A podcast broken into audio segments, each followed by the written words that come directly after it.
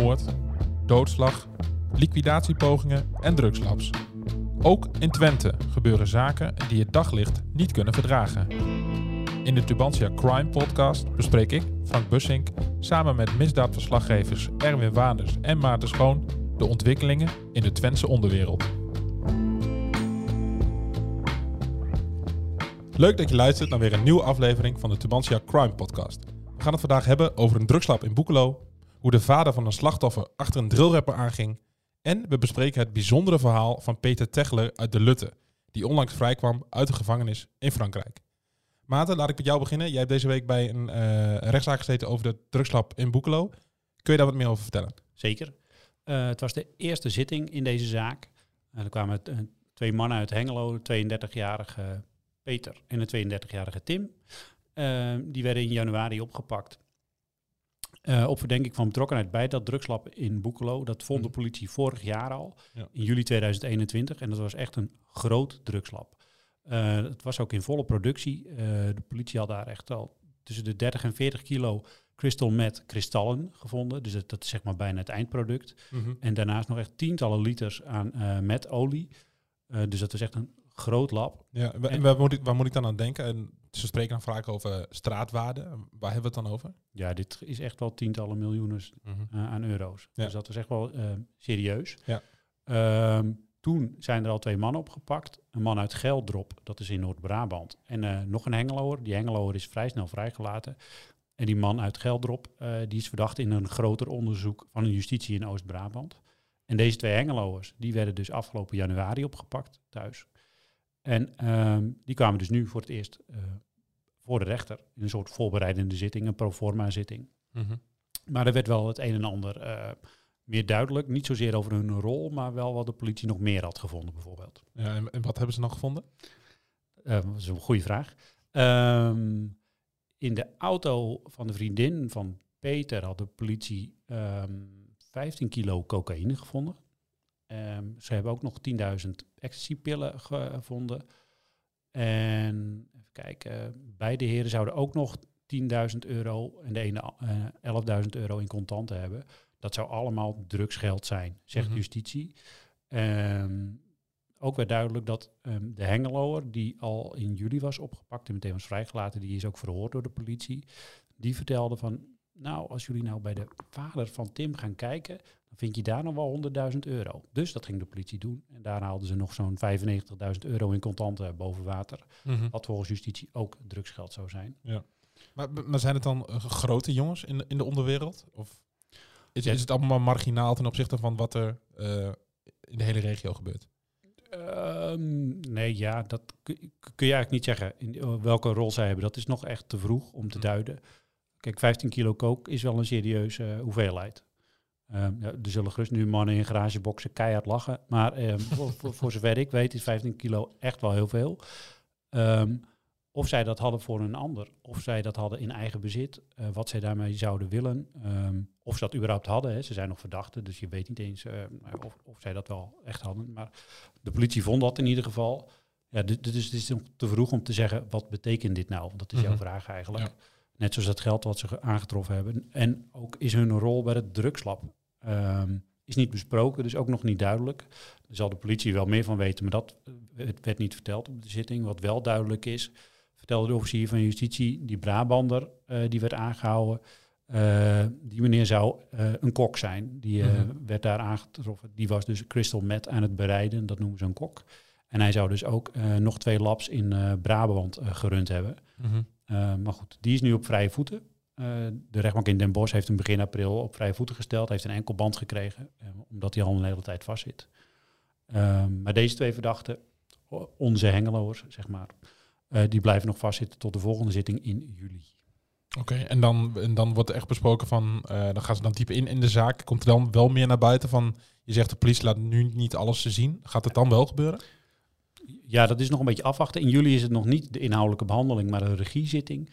Officier had wel gezegd dat, in, uh, dat tegen die tijd wel het uh, eind-PV, dus het eindproces verbaal, klaar zal zijn. Dus dan hebben zij ongeveer wel de zaak rond. Mm -hmm. uh, maar is het aan de verdediging om nog aanvullende onderzoekswensen te doen.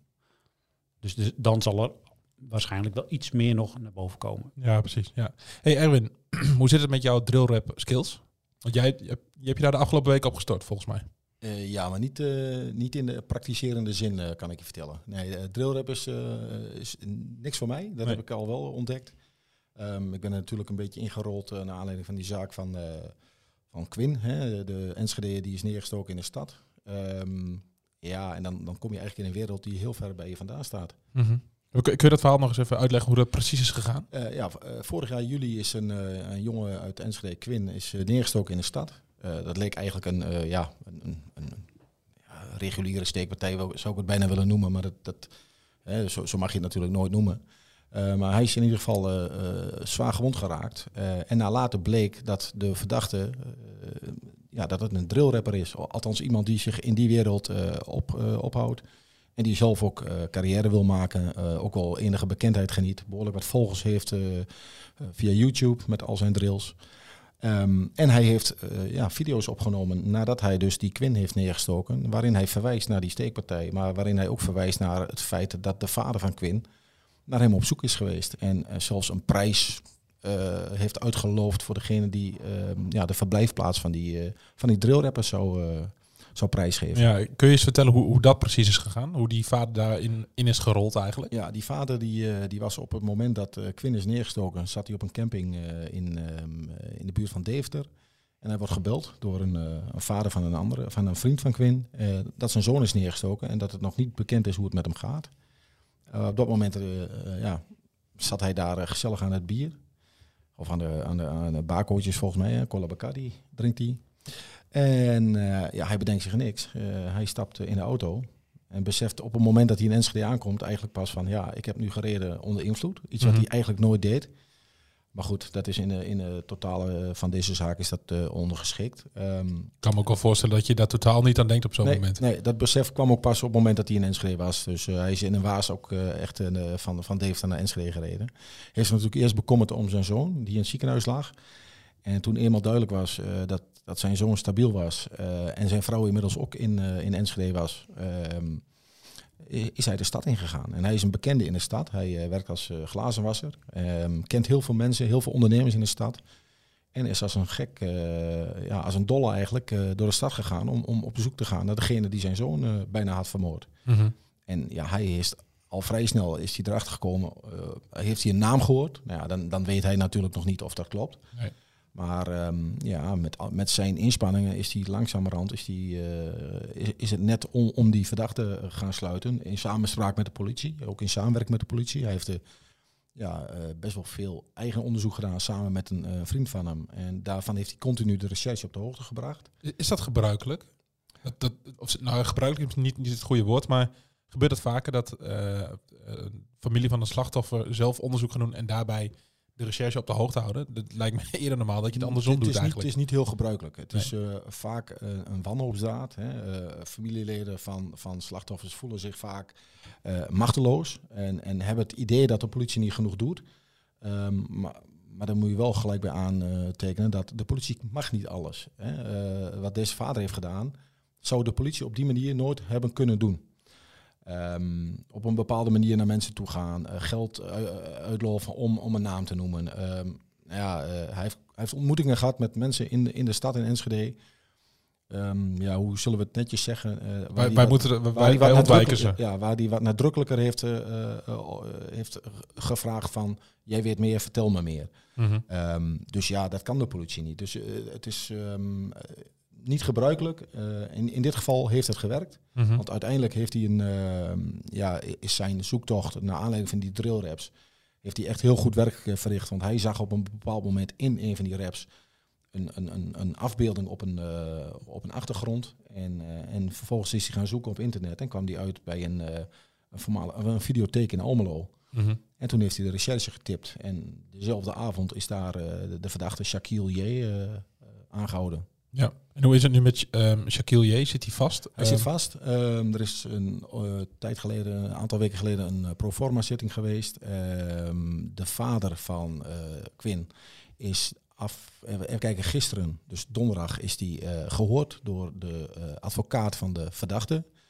Ehm, we hebben gisteren contact gehad. Hij gaf aan dat het op zich een prima gesprek is geweest. Dat hij misschien nog een keer eh, zal worden verhoord. En in principe staat de inhoudelijke behandeling van de strafzaak staat, eh, op de rol van 19 mei. Mhm, ja. En ehm, die Sha Shaquille, wat, wat hangt hem dan boven het hoofd? Uh, op dit moment wordt hij verdacht van uh, een poging tot doodslag, Mhm. omdat hij heeft gestoken. Ehm, ja, goed, als de officier van justitie denkt van het is uh, met voorbedachte raden, dus hij heeft gewoon echt het, het, plan opgevat om iemand te steken, dan kan hij ook voor een poging moord gaan. Maar goed, dat is juridisch gezien een, dat is een juridische discussie. Mhm.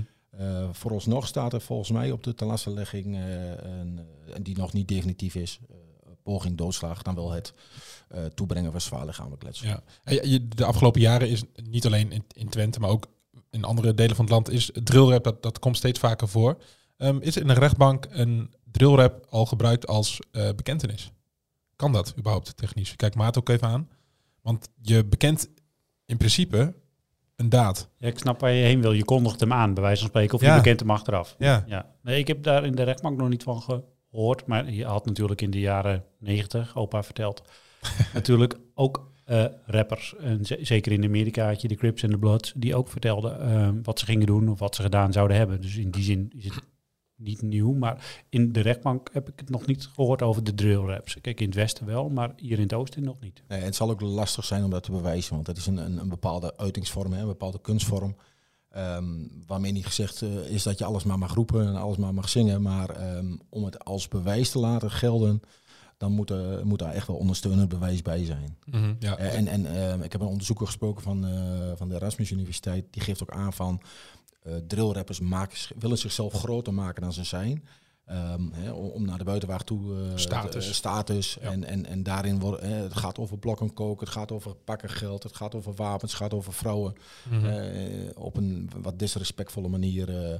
dus ja, het, het is een wereld op zich. Het wil niet zeggen dat iemand die drillrap maakt ook automatisch ehm, eh, eh, gevaarlijk is of crimineel is. Nee. Eh, dat, dat gaf de onderzoeker ook aan van. Het is te makkelijk om te zeggen, het geweld kun je één op één eh, eh, neerleggen bij, bij een drillrapper. ja, precies. Ge- geweld verheerlijken in drillrap is één, maar het ook zelf uitvoeren is twee. Precies. Kijk, eh, de bekendste zaak is natuurlijk op de pier in Scheveningen, waar toen een, een jongen is doodgestoken. Eh, dat was een conflict tussen drillrappers uit Amsterdam en Rotterdam, dat al maanden eh woekerde. En, en wat toen tot een eh, eh, uitbarsting is gekomen. Alleen het slachtoffer bleek achteraf helemaal niet eh, eh, tot die scene te behoren. Dus eh, het was eigenlijk iemand die tussen de, de, de strijdende partijen is gesprongen Mhm. en die uiteindelijk het leven heeft gelaten. Bijzonder verhaal. Klopt.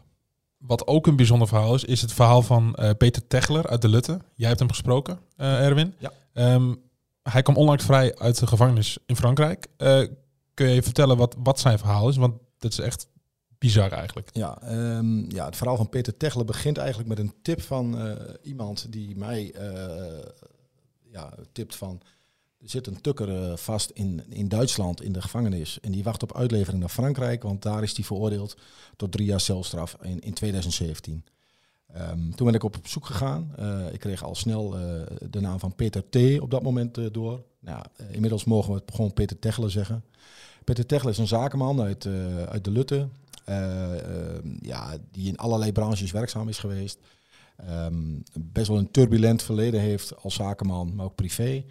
Ehm, en hij is eh, bij een verkeerscontrole in Duitsland aangehouden. Omdat hij nog eh, eh, drie jaar op de lat had in, in Frankrijk. Zonder dat hij daar zelf van op de hoogte was. En, en, en waarvoor moest hij dan het gevangen in in Frankrijk? Ehm, hij werd ervan verdacht dat hij samen met, een, met Art B. uit Westerhaar een, meerdere drugstransporten zou hebben georganiseerd vanuit Spanje via Frankrijk naar Nederland toe. Eh, in een lading met eh, uien eh, is in 2014 is, ja, een enorme partij hash gevonden. En dat wordt toegeschreven aan Peter Techler en Art B. in eerste instantie. Ehm, alleen Peter Techler zegt nooit op de hoogte zijn, te zijn gebracht van de verdenking. Heeft ook geen stukken ontvangen, is niet voor door de Franse justitie. Voor Art B. uit Westerhaag geldt het precies andersom. Die heeft wel bezoek gehad van Franse regisseurs. Die is verhoord in Hardenberg. Mhm. Heeft daarna nooit weer iets eh, gehoord over die zaak. Is als, ehm, als, als vrachtwagenchauffeur werkzaam. En heeft jarenlang gewoon eh, eh, ja, door, door Italië, door Frankrijk, door, door heel Europa kunnen reizen. Zonder dat hem een strobreedte in de weg gelegd eh, is. Hij is vaak genoeg aangehouden. eh, staande gehouden omdat hij te hard reed of omdat er wat was, omdat er papierencontrole was. Mhm.